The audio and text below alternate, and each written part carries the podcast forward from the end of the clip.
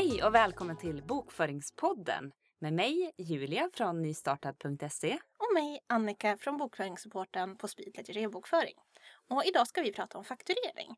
Vi ska prata om vad en faktura ska innehålla, hur du skickar fakturor och hur du bokför fakturan och inbetalningen från din kund. Mm.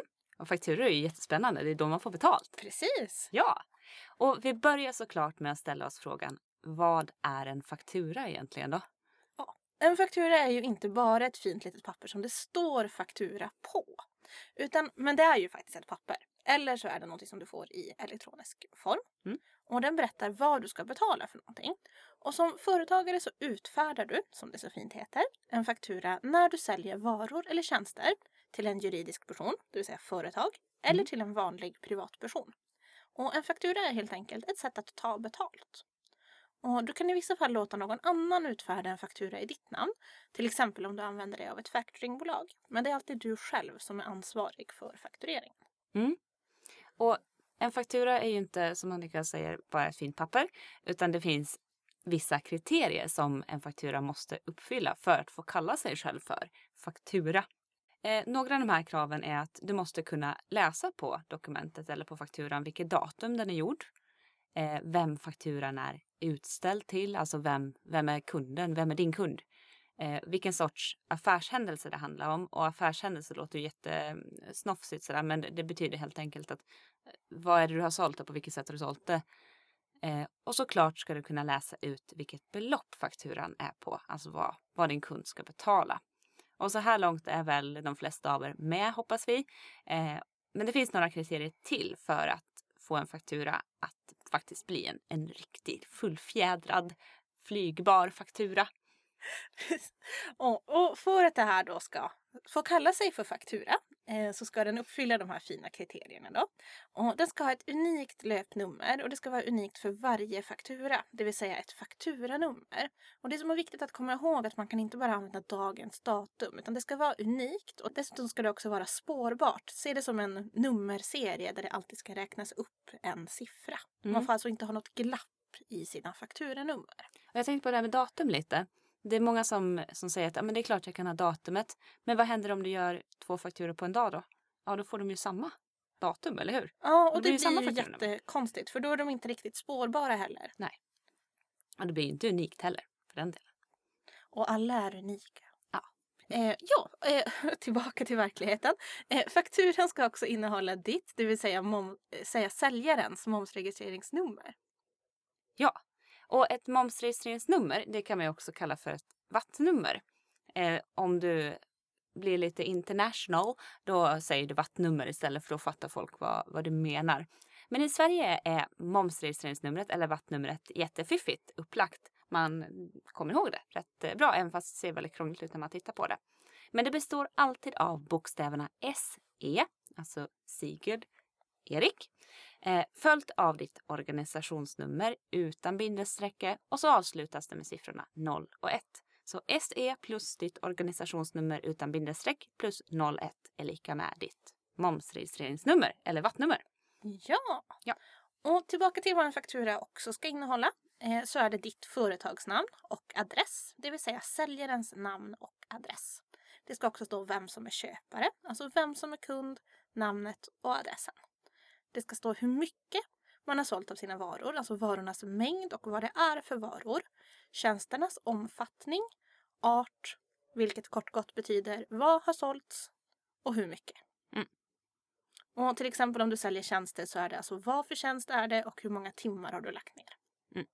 Sen ska det, också, ska det också framgå vad som är beskattningsunderlaget, vilket är ett finare ord för pris före moms, och varje momssats. Samt också vilka momssatser som gäller och hur mycket moms som ingår i slutpriset. Mm. Oj, man blir lite matt nästan av Ja, det det här. låter väldigt mycket. Men fakturerar du ett företag så visar det ofta det här priset då, eller styckpriset som man ofta pratar om exklusive moms, alltså utan momsen. Och så har du ett separat momsbelopp. Säljer du till privatpersoner Eh, så slår du ofta ihop det här. Du visar hela summan inklusive moms och alltihopa. Och det här har att göra med att företagare ju får tillbaka momsen. Så det är bara priset exklusive moms som är själva kostnaden. Och det här pratar vi lite om också i avsnittet om moms, avsnitt två. för vanliga privatpersoner så spelar ju det här mindre roll. Vi är ju tvungna att betala allt ändå, moms och hela balletten. Ett och samma. Det blir en kostnad för oss. Vi får inte tillbaka någonting. Eh, så nu har ni lite koll på vad en faktura ska innehålla. Eh, det finns ju ett begrepp som också florerar lite samtidigt när man pratar fakturor och det är ju kontantfaktura. Och vad, vad, vad är nu det då? Ja, kontantfaktura det är nästan i princip ett annat ord för kvitto. Och säljer du varor eller tjänster som kontant så är du skyldig att ta fram och erbjuda kunden ett kassakvitto, alltså en kontantfaktura. Kunden måste inte ta emot kvittot, men du är skyldig att ha kvar kvittot som underlag i bokföringen och som verifikation i bokföringen. Om du har ett kassasystem, då är det här ett icke-problem för då får du kvittot därifrån. Men det kan ju hända då och då att en kund vill betala kontant eller, fastän du normalt inte skickar eller tar emot kontanta betalningar eller någon som vill swisha över pengar till exempel. Mm. Och då är det finfint att ha, kunna erbjuda en kontantfaktura. Mm. Och Swish är ju något som en lite uppstickare som betalmedel för små mikroföretag just nu. Om ni minns den här bokföringsgrannen som vi har pratat om och, och hundkojan och snickaren och hela den balletten. Där kan det ju faktiskt ha hänt en sån sak att snickaren sålde sin hundkoja till sin eh, bokföringsgranne och, och bokföringsgrannen då kanske valde att betala med Swish istället för att betala med fakturan. Det är ju trots allt grannen. Man kan ju nog tänka sig att man kan swisha grannen istället. Eller? Ja, absolut. Och Ja. Sen så är det så att har man inte ofta så mycket med kontanter att göra så kanske man inte går runt med ett kvittoblock i fickan. Och då är ju en kontantfaktura väldigt bra istället. Mm, precis. Men viktigt att komma ihåg nu också eh, när du känner dig alldeles matt av all den här informationen som vi har rabblat upp är att du behöver faktiskt inte komma ihåg alla de här detaljerna. Om du använder dig av ett faktureringsprogram så finns princip allt det här inbyggt. Ofta fungerar faktureringsprogram som så att du fyller i kundens uppgifter, vad du har sålt, hur mycket och vad det kostar. Sen så sköter sig det mesta själv. De räknar ut moms och sånt åt dig också.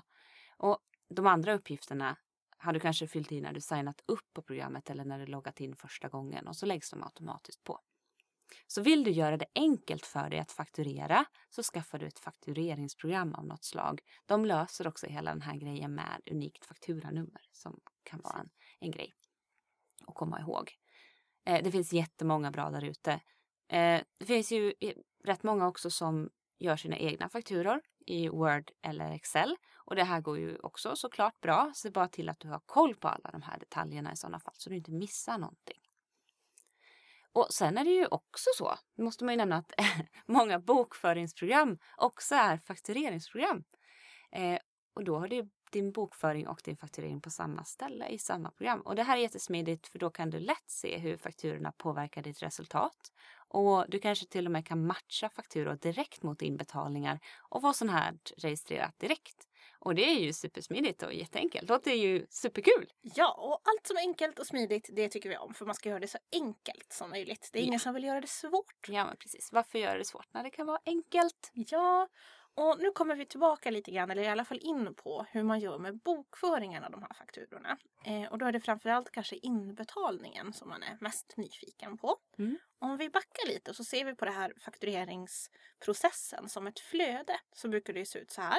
Att det första som händer är att du landar en affär med din kund. Kunden har bestämt att han ska köpa någonting från dig. Och det andra som händer är att du skapar en faktura till kunden på det belopp som kunden ska betala. Mm. Och så skickar du fakturan till kunden. Mm. Och så väntar du. Och så kanske du får vänta lite till. Kanske får vänta jättelänge. Ja, men så småningom så får kunden fakturan. Och i den bästa av världar så betalar också kunden fakturan. Och du får in pengar till ditt bankkonto. Eller hur nu kunden väljer att betala. Och det är ungefär så som de flesta proce- faktureringsprocesser brukar se ut. Jättegrovt generaliserat här såklart. Du, du som lyssnar kanske har en annan process men du hänger säkert med på liksom, tänket och hur vi menar här då. Och när vi går in på hur man bokför den här processen så måste vi dela upp förloppet mellan er som bokför med faktureringsmetoden eller er som bokför enligt kontant och bokslutsmetoden.